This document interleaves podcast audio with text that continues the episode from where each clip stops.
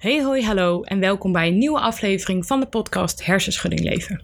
De podcast die bedoeld is ter herkenning, inspiratie en motivatie in de weg van herstel tijdens het herstellen van een zwaardere hersenschudding. Ik ben Coco, ik ben 24 jaar en heb sinds 1 februari 2018 een postcommercieel syndroom, oftewel een zwaardere hersenschudding. Ik weet daardoor als geen ander wat voor impact het heeft op je leven. En tegen de grote hoeveelheid struggles waar je wel niet tegenaan kan lopen. Daar wil ik het met jullie over hebben in mijn weg van herstel. Ik heb een hoop inzichten gekregen de afgelopen jaren en die wil ik met jullie delen. Ik ben een ervaringsdeskundige en geen arts. De dingen die ik vertel is een manier om ermee om te gaan, een manier om naar te kijken. Het is dus niet wetenschappelijk onderbouwd. Weet dat vast. Ik ben wel te vinden op verschillende socials. Vind je het nou fijner om tijdens een podcast te kijken? Dan kan dat. Ik heb ook een YouTube-kanaal, Hersenschudding Leven. Daarop kun je mij ook vinden en kun je de aflevering meekijken. Dan zie je mij gewoon praten. Ook ben ik te vinden op Instagram. Op Instagram kan je met mij je verhaal delen. Vind ik super fijn. Doe ik altijd een nieuwe updates over afleveringen delen. En vind ik het ook super leuk om interactie op te zoeken. Heb jij nou tips, vragen of suggesties voor nieuwe afleveringen? Of wil jij je verhaal delen omdat je iets hebt meegemaakt wat je heel erg herkent in mijn verhaal, of juist helemaal niet? Doe dat dan. Vind ik super leuk. Mijn account op Instagram heet ook Hersenschudding Leven. Dus laat dat vooral op even weten. Nou, dan wordt het nu tijd om te beginnen met de podcast. Nog even kort voordat de aflevering begint. In januari 2021 is mijn boek Vallen en Opstaan uitgekomen. Het is een autobiografisch boek waarin ik jou meeneem in mijn eerste anderhalf jaar van herstel. Ik heb woorden gegeven aan een periode die eigenlijk gewoon niet uit te leggen viel. Ik neem je uitgebreid mee in mijn emotionele rollercoaster bij het krijgen van een zwaardere hersenschudding. Dingen als het ontbreken van kennis en hulp, maar ook onmacht, angst, paniekaanvallen en eenzaamheid komen uitgebreid ter sprake. Het kan herkenning en bewustwording bieden. En daarbij kan het verschillende emoties die je voelt een beetje verklaren. Ook is het voor naasten een hele fijne en duidelijke uitleg wat er aan de hand is, omdat het voor jou vaak moeilijk is om het uit te leggen. Boek Vallen en Opstaan kan hem daarom een grote toegevoegde waarde zijn. Het is te bestellen via boekenbestellen.nl of via de link in mijn Instagram bio. Oké, snel door naar de aflevering. Hey hoi, wat leuk dat je weer luistert. Dit is een speciale aflevering met een hele goede vriendin van mij, dus die ga ik zo meteen even introduceren. Ik denk namelijk dat het super interessant kan zijn om te weten van een, een maar wel een vriend of vriendin, uh, hoe het is om een hersenschudding te hebben. Dus vandaar deze speciale aflevering voor jullie. Hij is niet te zien op YouTube, dus dan weten jullie dat vast. Maar wel gewoon op de andere streamingskanalen. Um, naast mij zit hier Zoe. Zoe, wie ben jij? Nou, ik uh, ben Zoe. Ik ben 23 jaar. Uh, ik werk in de gehandicaptenzorg met licht verstandelijk beperkten. Um, ik woon in Giesbeek, is een klein dorpje dicht bij Arnhem. En uh, ja, dat was het eigenlijk wel. Kan ja. jij jezelf omschrijven in zes woorden, zodat de luisteraars enig idee hebben wat voor persoonlijkheid jij hebt? Um, ja, laten we maar beginnen bij eigenwijs. wel, ja, maar ja. Enthousiast, denk ik wel. Betrouwbaar. Um, ja, lastig. Vind ik moeilijk. Het is, is echt moeilijk jezelf omschrijven. Ja, ik zit even met je mee te denken, want ik ken jou natuurlijk ook heel goed. Um, je bent echt een mensenmens. Oh, ik heb zo'n gruwelijke hekel aan het woord. Ja, maar het, het is wel mensenmens. Je, je hebt ja, altijd wel, mensen maar... om je heen. Dan moet je ook Sociaal, hebben. ja. Precies, dat ja, sowieso wel. Dat is een mooie woord. Ja, ja.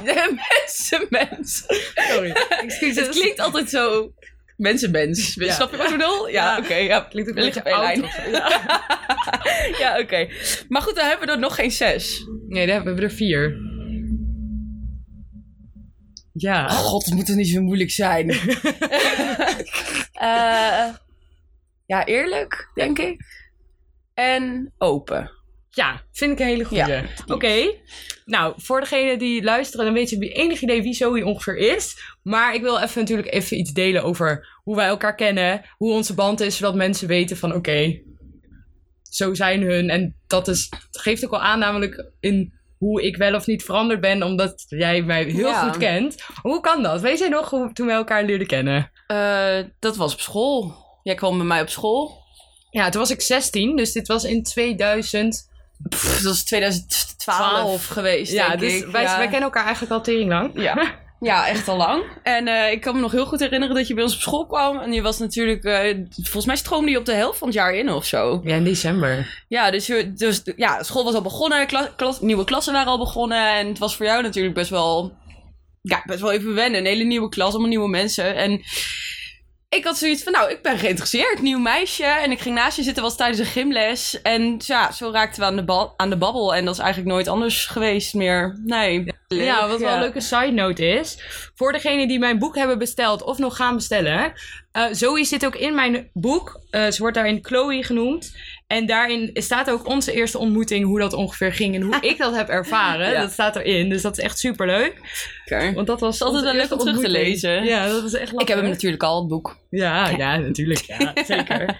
Dus, ehm, nou, ik kwam dus bij jou in de klas en wij werden al best wel snel echt hecht, hè? Ja, klopt. Ja, ik zat sowieso zelf een beetje in een identiteitscrisis. Dat ik dacht, ik wil wat anders. Ik wilde zelf een heel ander pad bewandelen dan... Ja, een beetje het, het, het meidenkliekje wat er al was in de, in de klas eigenlijk. En Ja, ik had dat zoiets... was wel grappig, want ik kwam Ja. bij jullie in de klas en ik, jullie kenden elkaar allemaal al heel lang. Ik kende jullie niet. Nee, En ik kwam ook echt van een totaal andere school. Echt zo'n beetje zo'n kakschool met allemaal... gewend ook. Echt gewoon heel Ja. streng en allemaal heel erg gericht op leren. En bij jullie was het heel erg gericht op Sociaal. ja, sociaal Ja, inderdaad. Ja.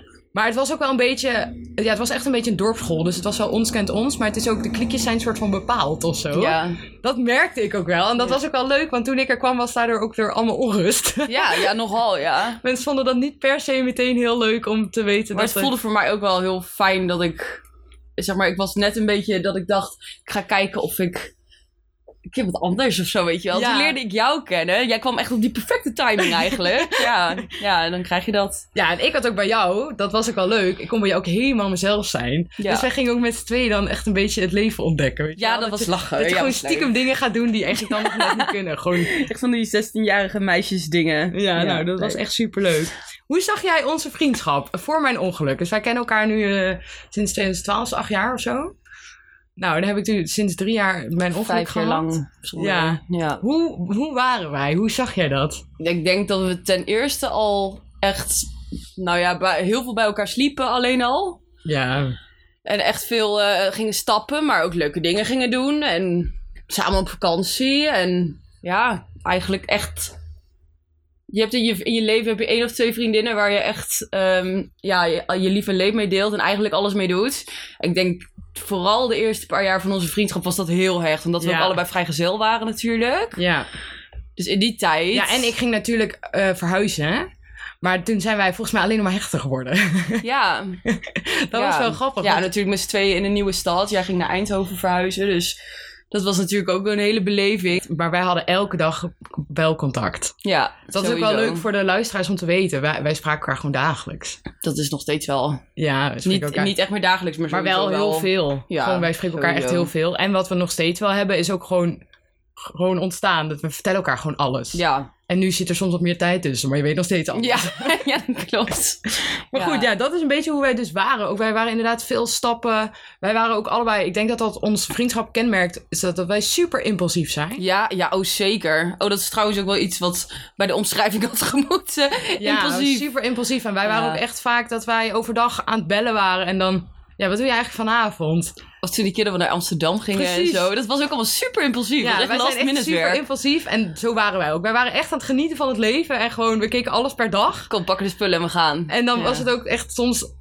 Werd het drie uur later werd het hele plan gewijzigd. Gingen we Ja. totaal wat anders doen. Ja, of als ik dan gewoon overdag gewoon school had gehad en ik had de dag daarna vrij. Yo, vriendin, kom eraan. En dan zat ik al in de trein en dan was Ja, ik al precies. onderweg naar Eindhoven. Maar Eindhoven is wel... Hoe, hoe lang? Vanaf Arnhem? Denk ja, wel anderhalf, twee uur. anderhalf, twee uur. Dus het is wel... Ja. Het is niet dat je er even... Zo van, ik kom even langs of zo. Daar moesten we dan wel voor tijd, echt tijd voor uittrekken. Maar dat doen we nu... Ja, maar dat was- toch wel. Maar... Ja, maar het was wel ook wel... Dat was... Ja, tenminste in mijn ogen was dat de normaalste zaak van de wereld. Ja. Als we elkaar willen zien, nou moet je twee uur trainen. Ja, prima. Ja, prima. Maar dat is wel grappig, want dat is dus nu helemaal anders. Als in, ehm, maar gaan we het zo ook over hebben hoe die switch dan kwam. Want ik heb natuurlijk, ik kan nu een stuk minder treinreizen. Ja. Dus dat is wel grappig om te zien hoe wij eerst waren. Wij zagen elkaar denk ik sowieso één keer per week, minimaal. Mhm. We spraken elkaar dagelijks Ja. via videobellen vooral. En wij waren altijd wel op stap. Ja, sowieso. Dat was echt, dat, dat zaten waren wij. tijden bij dat we echt eh, drie keer per week wel gingen stappen. Ja, precies. Ja. Dus ja, dat was echt onze vriendschap voor mijn, voor, ja, voor mijn ongeluk. Dat was echt gewoon hoe wij waren. Hoe zou jij mij omschrijven voor mijn ongeluk? Voor je ongeluk. Ja, Ja, ik denk die impulsiviteit, die had je toch wel een stuk meer. Ehm, maar dat is makkelijk praten, want het ging ook allemaal een Ja, stuk precies. makkelijker toen. Nu moet je je leven een stuk meer plannen. ja, En dat is hetzelfde als bij mij. ja. Ehm, maar voor je ongeluk... ehm, We waren ook Ja, ik denk- nog, hè? ik denk dat je toen echt van dag tot dag leefde, zeg maar. Ja. En dat heb je natuurlijk als je jong bent, heb je dat sowieso een Ja. stuk meer. Maar ik denk dat, dat, dat jouw ongeluk Ja. daar wel heel veel in veranderd heeft. En als ik nu denk aan de koken voor je ongeluk, was je wel een stuk impulsiever en een stuk meer leven van dag tot dag, zeg maar. Ik denk dat het een heel groot verschil is. Ja, want als ik ook aan mezelf terugdenk, denk ik ook wel een beetje roekeloos. Ja, ja ook wel een beetje inderdaad. Gewoon niet nadenken over consequenties, gewoon niet. Bij heel veel dingen Maar dat niet. hoort ook wel een beetje bij het jong zijn. Ja, dat ik denk bedoel, ik we waren ook wel. 16 toen, hè? Ja, Dat is een heel groot verschil als nu 24 en 23. ja, dat is wel echt een heel groot verschil. Ja, oké. nou, dan hebben de luisteraars een beetje een beeld hoe wij waren vijf tot acht jaar geleden. Zo Ja, in die, ja, zoiets, in die ja. trant. En toen kwam mijn ongeluk. Nou, dat wist je natuurlijk meteen, want ik had jou meteen Ja. geappt en zo. En die dag erna hebben we ook gevideobeld. Hmm. Dus we zijn in Gambia. Ja, dat was een Weet je dat nog? Weet je nog hoe dat voor je was? Ja, ik kan me nog heel goed herinneren. Want in Gambia heb je natuurlijk echt mega slechte wifi. Het is gewoon echt een derde wereldland. Dus er is verder niks mis mee. Heerlijk land om op vakantie te gaan. Echt een aanrader trouwens. maar, maar ja, ehm, dat was sowieso altijd al lastig om dan een beetje contact te onderhouden. Als ik daar dan was op vakantie. Ja, ik vond dat ook altijd raar, want dan was je een week weg en dan spraken we elkaar gewoon een week niet. Nee, want ja, Dat was voor ons nog namelijk- slecht internet. Ja, dat was voor ons ook normale gang van zaken dat we elkaar elke dag Ja, spraken. Dus, als ik kan me nog wel herinneren dat toen we op vakantie waren, ja, dat ik toen echt een plek moest opzoeken voor goede wifi. En ik zat ook afgezonderd ergens op een bedje. En toen vertelde me dat nieuws. Ehm, en in eerste instantie- instantie denk je, oh jee, je hebt een heftig ongeluk gehad. Maar je weet natuurlijk niet hoe de jaren daarna gaan zijn Nee. op zo'n moment.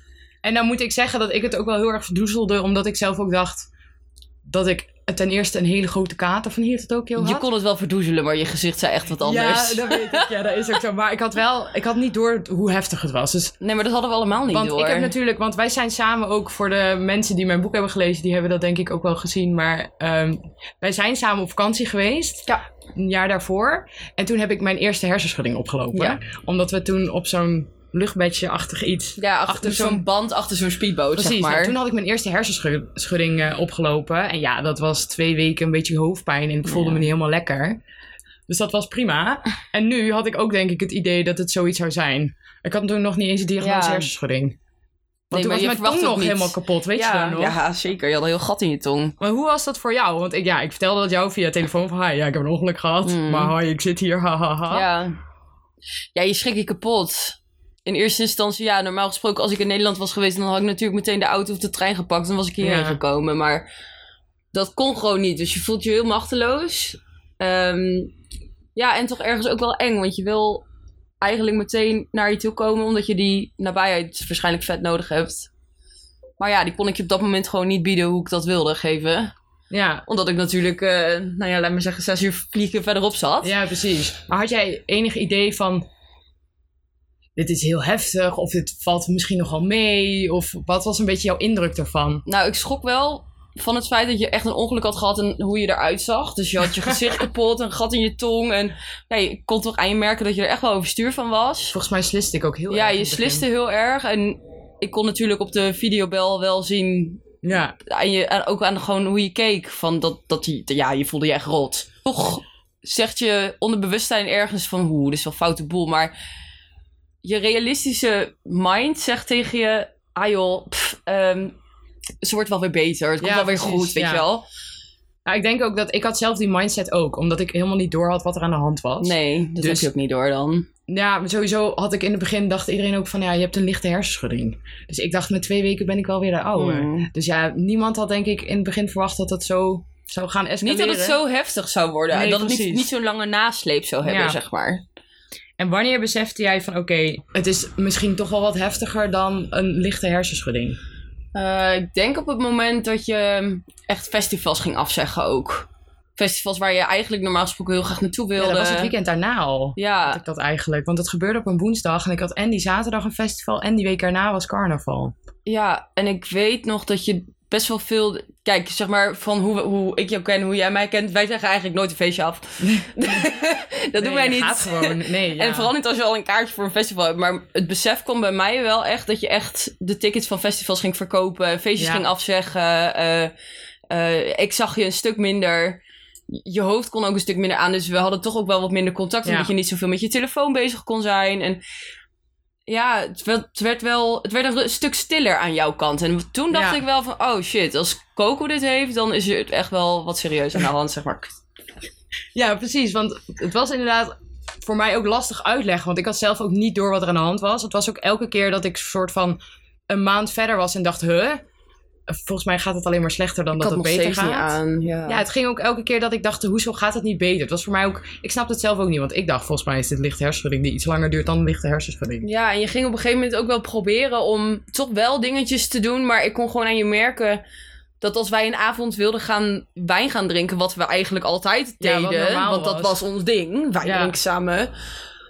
Op de momenten dat je dat probeerde, kwam je niet zo ver als dat ik van je gewend ben. Kijk, Nee, klinkt heel stom ja. nu zeg, maar dat waren voor mij wel dingen dat ik dacht, oh, Ja, kon je gewoon, ja. wilde je het eigenlijk niet eens, omdat je bang was dat het, dat het je pijn ging doen, of dat je er Ja, last van ik zou weet ook hebben. nog dat jij jarig was. En jij bent jarig in maart natuurlijk.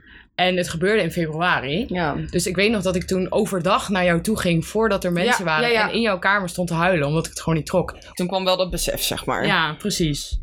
Nou ja, en toen ging ik natuurlijk anderhalf jaar herstellen, eh, herstellen voordat ik mijn revalidatie had. Dat was voor mij best wel een heftige periode. Wat heb jij daarvan meegekregen? Ik merkte vooral dat je heel stil werd. Ja, hè? Ja, je werd heel stil. Ik viel helemaal weg. Ja, je viel echt helemaal weg. Maar tot grote frustratie van jou, want als ik je sprak, kon ik aan je merken dat je dat echt vreselijk vond. Want Ja. jij bent ook gewoon sociaal en je bent ook graag onder de mensen. En dat lukte je nu gewoon niet.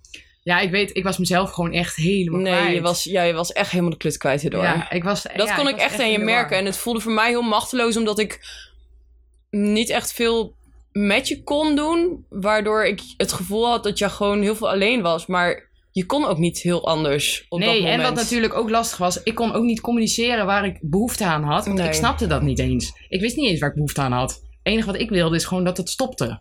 Dat Ja. mijn hoofdpijn wegging. Ja, bizar. Ja, heel raar was het, hè? Ja, ja het best, best een pittig tijd, pittige tijd geweest. Vooral ook omdat je natuurlijk hier in Eindhoven zat. En het was allemaal niet zo makkelijk van... Kom vriendin, we gaan en we doen dit en we gaan dat. En weet je wel, dat impulsief Nee, wat we hadden... dat ging er echt helemaal vanaf. Omdat, Ja. Omdat je, dat, kon je gewoon niet. Dat trok je Nee. gewoon niet. Nee, en we hebben natuurlijk af en toe wel geprobeerd. Want we hebben ook twee vrienden van ons waar we best wel eh, vaak mee leuke dingen gingen doen. En volgens mij heb ik wel eens geprobeerd om daarbij te zitten. En we zochten wel eens manieren om Ja. het te laten werken. Ja, dan ging maar. ik toch het wel proberen. Omdat ik ook wel dacht van, weet je, ik ga dit gewoon doen. En misschien kan het wel. En dat ging dan eigenlijk nooit goed. En je bent wel één keer... Volgens mij woonde ik toen al samen met mijn vriend. Ja. En toen Ja. gaf ik een housewarming of iets. En daar Ja. was jij ook op uitgenodigd. Maar toen ging het eigenlijk ook helemaal niet goed met je. En toen ben je eerder naar bed gegaan. En hoe was het voor jou om zo te zien dat ik helemaal, om te zien dat ik helemaal gewoon de weg kwijt was op die Ja, manier? ik kwijnde een beetje weg. En het voelt... Ja, het voelt... ehm, Ik voelde me... Ik weet dat ik... ik kan me herinneren dat ik me echt wel tijden heel kut heb gevoeld. Omdat ik het gevoel had dat ik jou in de steek liet. Ja, terwijl zo heb ik dat helemaal niet ervaren. Nee, en daar hebben we het later ook achteraf Ja. best wel vaak over gehad. Dat ik zei van vriendin, ik heb echt het gevoel dat ik je echt heb laten zitten. Ja, terwijl dat heb ik zo niet ervaren. nee, zo dat heb ik gelukkig maar. Ja, nee, maar gelukkig, maar, maar zo voelde het ja. voor mij. Ik voelde me echt machteloos. Van, eh, ik heb zo, dus sowieso zelf helemaal geen ervaringen met hersenschuddingen. En eh, ook niemand in mijn omgeving. Dus ik wist zelf ook niet zo goed wat Ja. ik ermee moest, zeg Nee, maar. en ik heb natuurlijk nooit aangegeven wat ik wilde. Nee, plus daarbij, eh, in die tijd had je zelfs moeite met een film kijken. Dus al kwam Ja. ik naar je toe, dat was te veel ja, voor je voor hoofd. mij, ik was ook heel en- angstig. Dus ik was ook bang dat als iemand komt, dat kost mij extra energie. Ja, en ik weet ook, dat kan ik me ook nog heel goed herinneren van die tijd dat je het allemaal best wel afhield. Ja, ik, hield, ik zei alles af. Ik Ja. hield alles af. Ik plande Ook wel eens tot, tot frustratie van mij, dat ik dacht, godverdomme, zet je dat nou weer af? Zeg je dat nou weer af? Eigenlijk, Ja.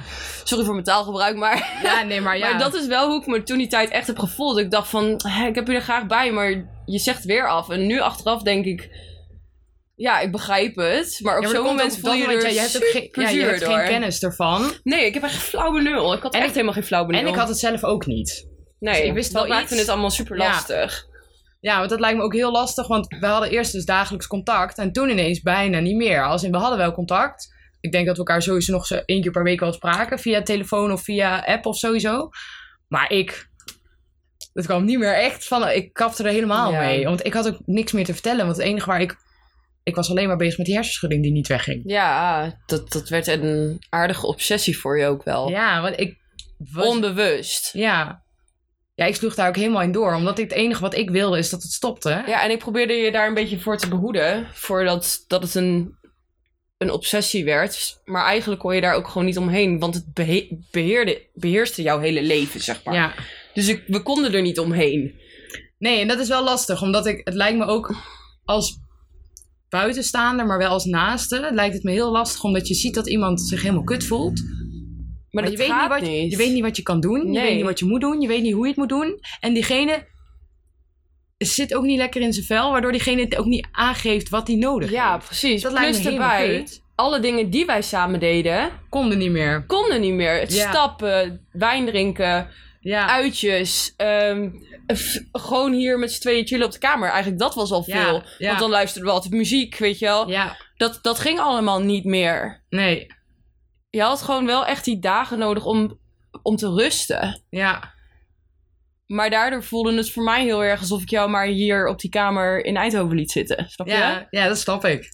Terwijl ik heb nooit het zo ervaren van eh, dat jij me niet wilde helpen of zo. Zo heb ik nee, dat maar nooit dat is ervaren. ook nooit zo geweest. Maar het voelde wel heel oneerlijk dat de festivals bijvoorbeeld, waar ik onder andere met jou heen zou gaan of jou daar zou zien, dat voelde wel oneerlijk, want voor mij gingen dat soort dingen wel door. Ja, nou dat, eh, laat me zeggen, niet dat ik eh, jaloers was op jou. Ik was jaloers op iedereen die die dingen wel die kon die wel doen. kon, ja. En ik was jaloers op mensen die jou dan tegenkwamen. Denk ik, ik wil met jou daarheen. Ja. En jij staat daar met bijvoorbeeld mijn zusje. Terwijl Ja. ik vond het hartstikke leuk, maar Ja, daar heb ik me echt nog wel eens lullig om gevoeld. Als ik dan op zo'n festival stond, denk ik, pff, ik kon het eigenlijk niet maken voor mijn gevoel of zo. Terwijl, dat is natuurlijk, het betekent niet meteen dat ik ook eh, twee Nee. jaar lang op mijn kamer moet gaan zitten, maar het voelde wel heel oneerlijk. Ja, maar ik kan, ik ook, kan het wel. ook omdat je waarschijnlijk gewoon niet helemaal door had hoe het voor mij was. Want ik deelde Nee. dat niet. Ik deelde namelijk niks. Want ik, ik nee, je was er wel heel eens. gesloten over, inderdaad. Ja, terwijl ik ben eigenlijk heel open. Dus maar je kan wel, jij, je hebt wel altijd heel goed je grenzen aangegeven. Dat heb ik altijd wel heel knap gevonden van je. Dat je dat wel, ondanks dat je het heel moeilijk vond, dat we geen muziek meer konden luisteren. En dat we niet meer konden stappen. En dat we niet meer die dingen konden doen, zeg maar. ehm, heb jij wel, altijd, ben jij wel altijd heel duidelijk geweest van ja, dit ga ik gewoon niet aankunnen. Ja, Punt. ja. Ja, ik Oké, heb ook echt prima. geleerd om voor mezelf op te komen daarin. Ja, ja en zeker ook als weten. ik niet kan komen, dan kan ik niet komen. En dat vind ik niet leuk, maar het, dat kan dan niet. Maar dat heb ik ook altijd wel gerespecteerd. Dat heb Ja. ik ook altijd heel knap gevonden. Dat je dat gewoon zo duidelijk kon Maar aangeven. wat die ik grens, dan weer zeg maar. super chill vond, is dat ook al zei ik 20.000 keer af, je bleef me vragen. Ja, de. Maar ja, je hoort er gewoon bij. dat snap ik. Ja. Maar er zijn heel veel mensen die zijn ermee gestopt. Ja? Oh nee. Ja, joh. Ik, eh, al, iedereen van mijn nee, oude ik heb, werk, ik die heb zei er het altijd... liefste bij eh, hoor. Dus Ja, iedereen van mijn oude werk, die zei altijd... We zien elkaar wel weer wanneer je gaat stappen. Nou, je, ik ben misschien eh, in mijn carrière daarna nog vijf keer wezen stappen. En toen kwam corona. Dus, ja. Dus, maar die spreek ik nu niet meer. Dat zijn dan ook geen echte vrienden. Maar ik moet zeggen, dat zijn collega's. Dat zijn, is anders dan vrienden, Ja, nee, zeg ik maar. zag hun natuurlijk ook zes keer in de week, hè. Want ik was zes keer in de week in de stad. Ja, Maar het is wel anders, want wij hadden natuurlijk veel hechtere band. Wij, wij hadden echt vriendschap. ja Waarbij waarbij de dingen die die bij wij- ons niet alleen maar om uitgaan. Precies, dus de dingen die wij deden kon niet meer. Maar onze band bleef wel hetzelfde. Ja, zeker. Maar En dat, dat Ja. is wel een groot verschil. we hebben, we hebben ook gewoon ja, 16 jaar. Dan zit je echt midden in je puberteit. We hebben die hele tijd hebben wij samen, grotendeels samen doorgebracht, zeg maar. Ja. En daarom, ik denk ook dat van de meeste vrienden die ik nu heb, ben jij degene die mij kent van. Jij weet echt heel duidelijk wie ik was voor mijn ongeluk. Ja, wij kennen elkaar gewoon nog van de middelbare school. Nou, dat is echt wel een dingetje. Precies, we zijn samen opgegroeid. Is Ja. het eigenlijk. Ja, zeker weten. Je bent ja, twee meiden van 16. Jij, was een, jij bent Ja. een half jaar ouder of een jaar ouder dan ik. En wat vond jij het lastigste aan het feit dat ik een hersenschudding had? Ja, dat ik je zo zag strukkelen daarmee. Ja. Dat was voor mij wel heel moeilijk. Ja, en vooral ook toen, toen je me dingen uit je boek liet lezen. Ehm, eh, toen je stukjes doorstuurde. Eigenlijk toen pas besefte ik me echt hoe je het echt hebt ervaren. Ja, nou moet ik heel eerlijk zeggen dat op het moment dat je, het zo, dat, je dat ervaart, weet je niet dat je dat er zo ervaart. Nee, nee, nee, dat klopt. Want je hebt meestal een beetje, je kan pas later zeggen van, oh, ik was toen echt boos. Of, oh, ik was toen echt verdrietig. Ja. Terwijl op dat moment kun je wel huilen, dus je bent wel verdrietig, maar je kunt niet de vinger erop leggen, waarom ben je nou verdrietig? Of, wat voel je eigenlijk? Nee, en dat is ook Dat kan ik nu pas. Dat is misschien ook wel leuk om erbij te vermelden. Ehm, ik heb sowieso door mijn werk, maar ik heb van mezelf een soort van gave dat ik heel goed kan aanvoelen hoe andere mensen zich voelen. Heel gevoelig voor sfeer, zeg maar. Ja, Ehm, dus ik voelde bij jou ook gewoon echt wel bad vibes. Dat je gewoon Ja. echt niet lekker in je vel zit. Ja. En dat is voor mij ook wel pittig geweest. ja, dat kan ik me heel Dat goed ik, dat, ik, zag je, ik zag je echt een beetje wegkwijnen eigenlijk erdoor. Ja, en, het ook- duurde ook zo lang. En ik zag je ook gewoon steeds meer moed verliezen. En steeds meer de hoop verliezen van... Ga, ga ik nog beter worden? Die vraag heb je ook zo vaak gesteld. Dat we het daar ook zo vaak over hebben gehad. Van ja vriendin, je wordt beter. Maar het gaat gewoon niet zo snel als dat je wil. Maar het kan je? ook, want wat ik me dan afvraag bijvoorbeeld is, ehm, want ik weet niet hoe dat is, maar want het lijkt me wel lastig om met mij om te gaan op zo'n moment.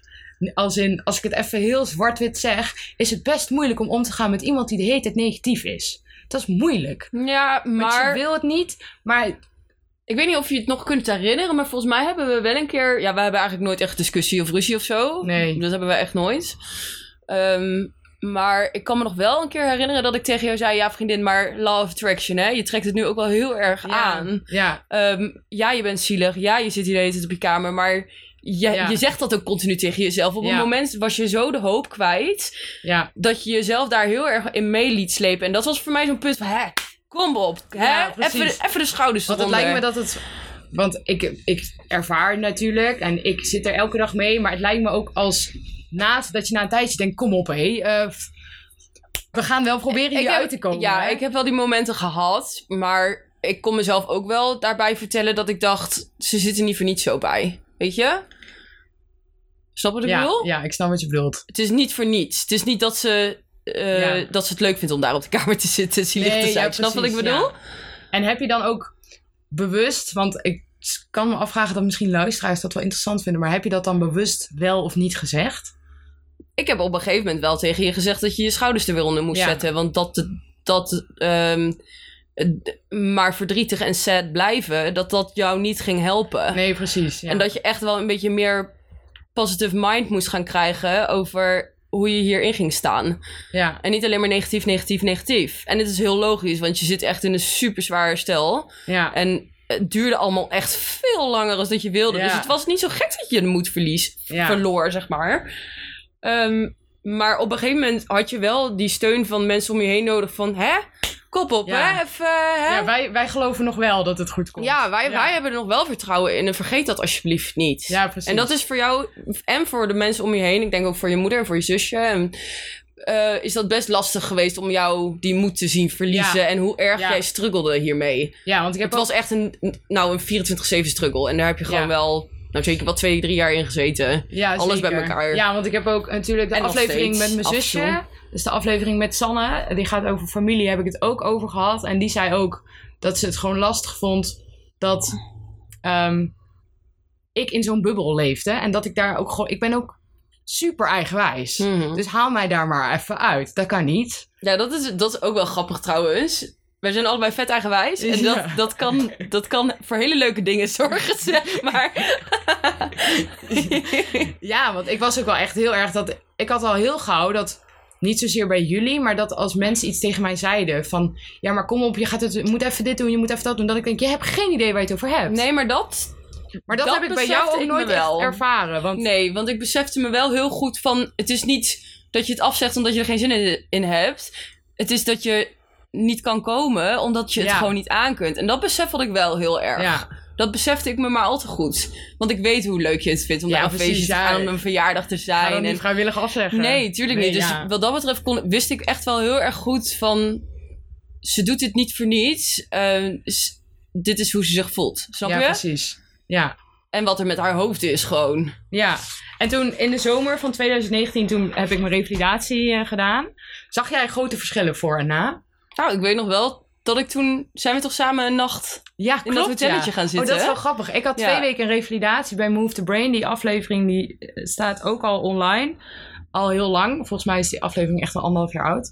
Maar eh, in die twee weken zat ik twee weken lang intern van maandag tot en met vrijdag. En ik had een weekendje dat ik naar huis mocht. Maar omdat Eindhoven te ver weg was, hadden ze mij geadviseerd om eigenlijk in de buurt in een hotelletje gaan zitten. Ja, want anders had je dat treinreizen weer en zo. Ja, dat en heel dat veel aan. was te zwaar en ik kon beter even in die rustige sfeer blijven. En toen ben jij inderdaad met mij in dat hotel gaan Waar zitten. was dat, ook weekend. alweer? Ja, weet ik niet. zit even terug te Ja, denken. we zaten toen in Meppel Lemelen, maar in de buurt. Hadden we zo'n herbergje. Hadden we... ja, volgens mij in een of ander hotel, Hotel Dals of zo. Maar dat is zo, daar wonen drie mensen in dat dorp, Ja. denk ik.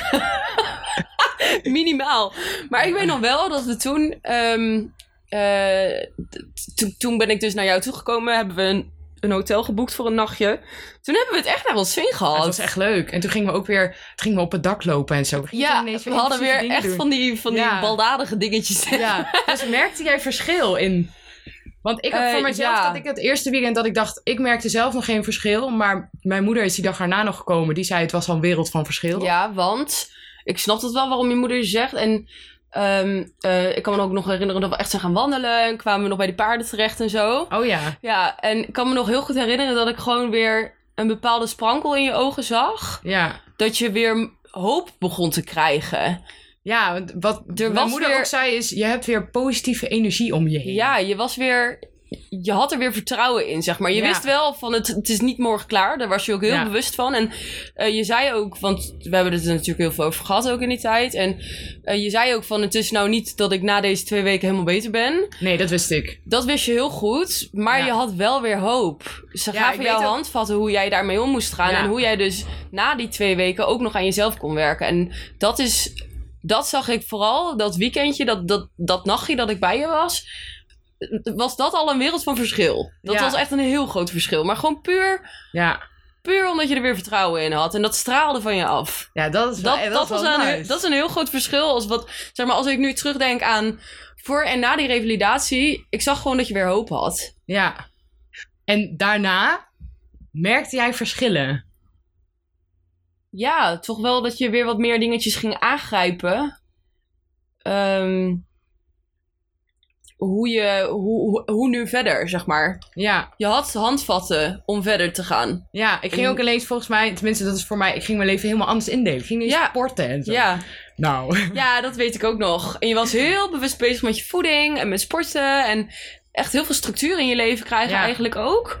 Ehm, en dat kon ik wel heel erg aan je merken. Ik denk dat dat ook wel een heel groot verschil is met voor je ongeluk. Dat je nu wel echt iemand bent met heel veel structuur in je leven. Het Ja. liefst zoveel mogelijk. Ga er heel lekker op. liefst zoveel mogelijk. Echt En het gewoon... is ook wel grappig, want ik ga ook heel lekker op het impulsieve Ja. en het dan juist niet hebben. ja.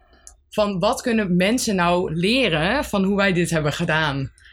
Ehm, ja, ik, ik kan me herinneren dat ik toen aan jou gevraagd heb van wat zijn de dingetjes die we wel kunnen. Ja, En focus je daarop. ja, En eh, toen zijn we ook echt wat meer gaan wandelen en zo. Toen zijn we meer dat soort dingetjes gaan waarderen. zijn van, gewoon gaan zoeken Ja, gewoon naar dingen om het wel te kunnen. Precies, zoeken ja. naar de dingen die we samen wel konden doen. En dat was natuurlijk eh, logeren, dat kan altijd. Dan maar geen muziek, dan maar geen film. Ja, al kan ik me heel goed voorstellen dat logeren is... ik- Voor mij kan dat wel, maar voor sommige mensen is dat lastig. Omdat je, je slaapt op een, een of andere manier minder goed als je met andere mensen slaapt. Ja, dat is je waar. bent wat alerter. En slapen is super belangrijk als je wil herstellen. Als je aan het herstellen bent. Dus ik kan me heel goed voorstellen dat dat voor mensen lastig is. Maar het feit dat je op zoek gaat naar dingen wat wel kan.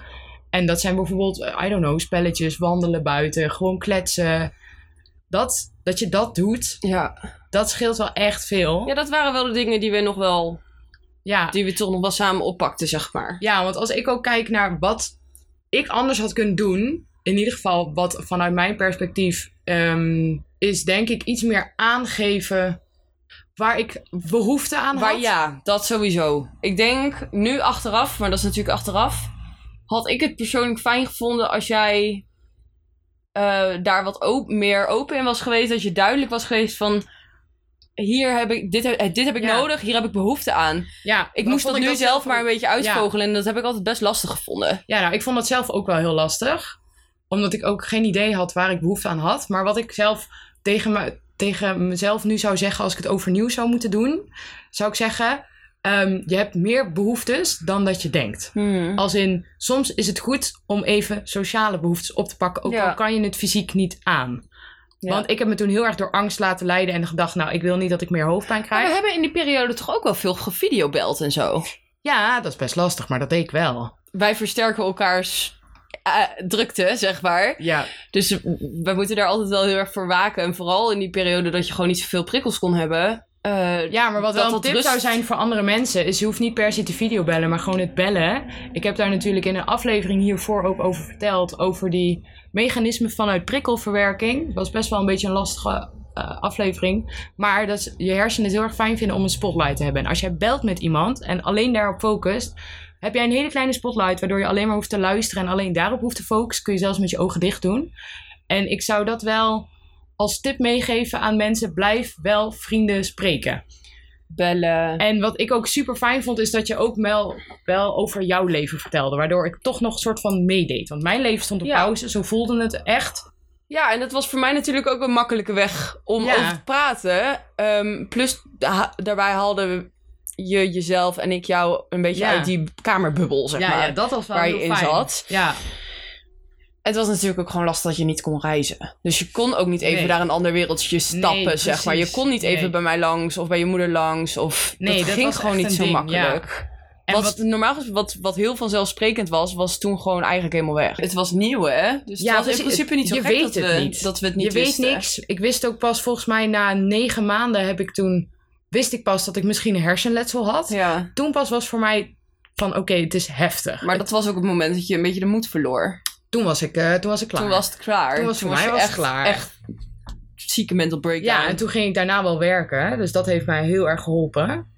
Ja, Want toen zag ik ook weer mensen en Ja, ik, kon, ik kon mezelf weer van nut maken. Dat merkte ik ook aan je. Eh, best wel iets positiefs eigenlijk. Want op het moment dat je ging werken, kon je ook weer kleine dingetjes als even een, eh, een frisje drinken op het terras. Bijvoorbeeld. Ja, klopt. En dan wel na, na 20 minuten weer gaan, maar dat kon Klopt, wel weer, ja. dat soort dingen. Dat, dat soort dingen kon je wel weer langzaam, Toen ging ik echt actief, met ja. babystapjes kon je dat weer oppakken. Ja, toen begon het een beetje. Toen begon ik een beetje te herstellen. Dus ik heb het idee, de eerste negen maanden heb ik echt thuis gezeten. Was rust, eenzaamheid en wanhoop. Daarna begon ik echt herstellen. Ja, gewoon ook omdat je weer de sociale dingen wat meer durfde op te pakken. Wat normaal Ja. gesproken best wel eng voor je was. eh, eh, in de tijd dat het allemaal best wel onzeker was.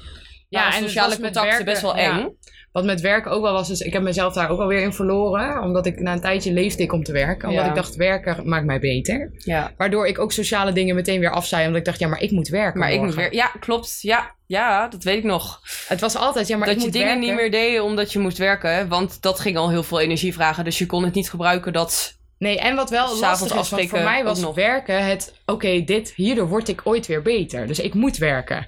Nou, we gaan een beetje afronden, want het is al best een lange aflevering. Als jij nou echt zou moeten kijken, de afgelopen drie jaar... Wat had jij het fijnste aan houvast gevonden? Als mensen die nu een hersenschudding hebben. Kan zijn, misschien hebben ze pas een week, misschien hebben ze pas een maand.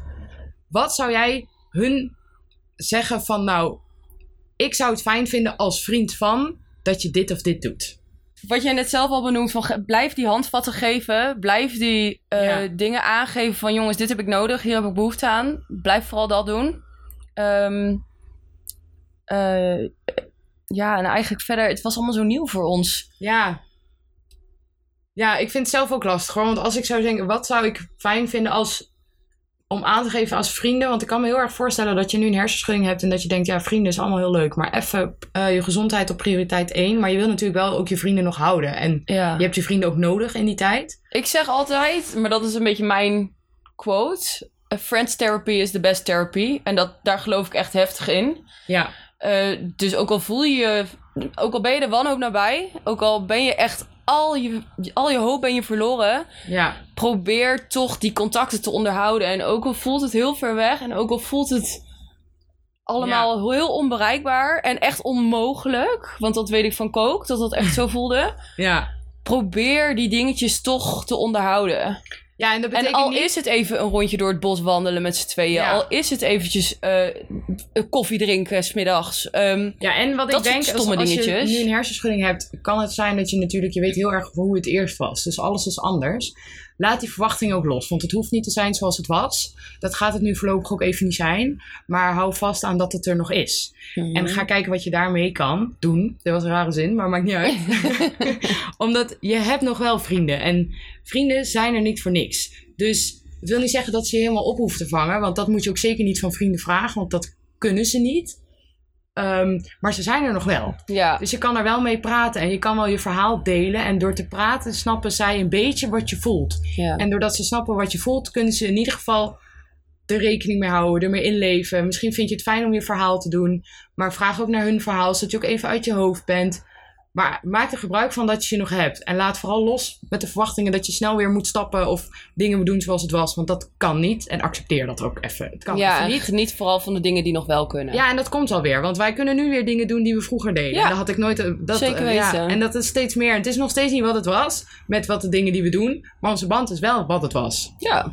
Dus ook nooit anders geweest. Nee, precies. Dus dat is wel mooi. En ook als je mensen wat minder spreekt, of als je behoefte hebt om ze meer te spreken, spreek dat uit.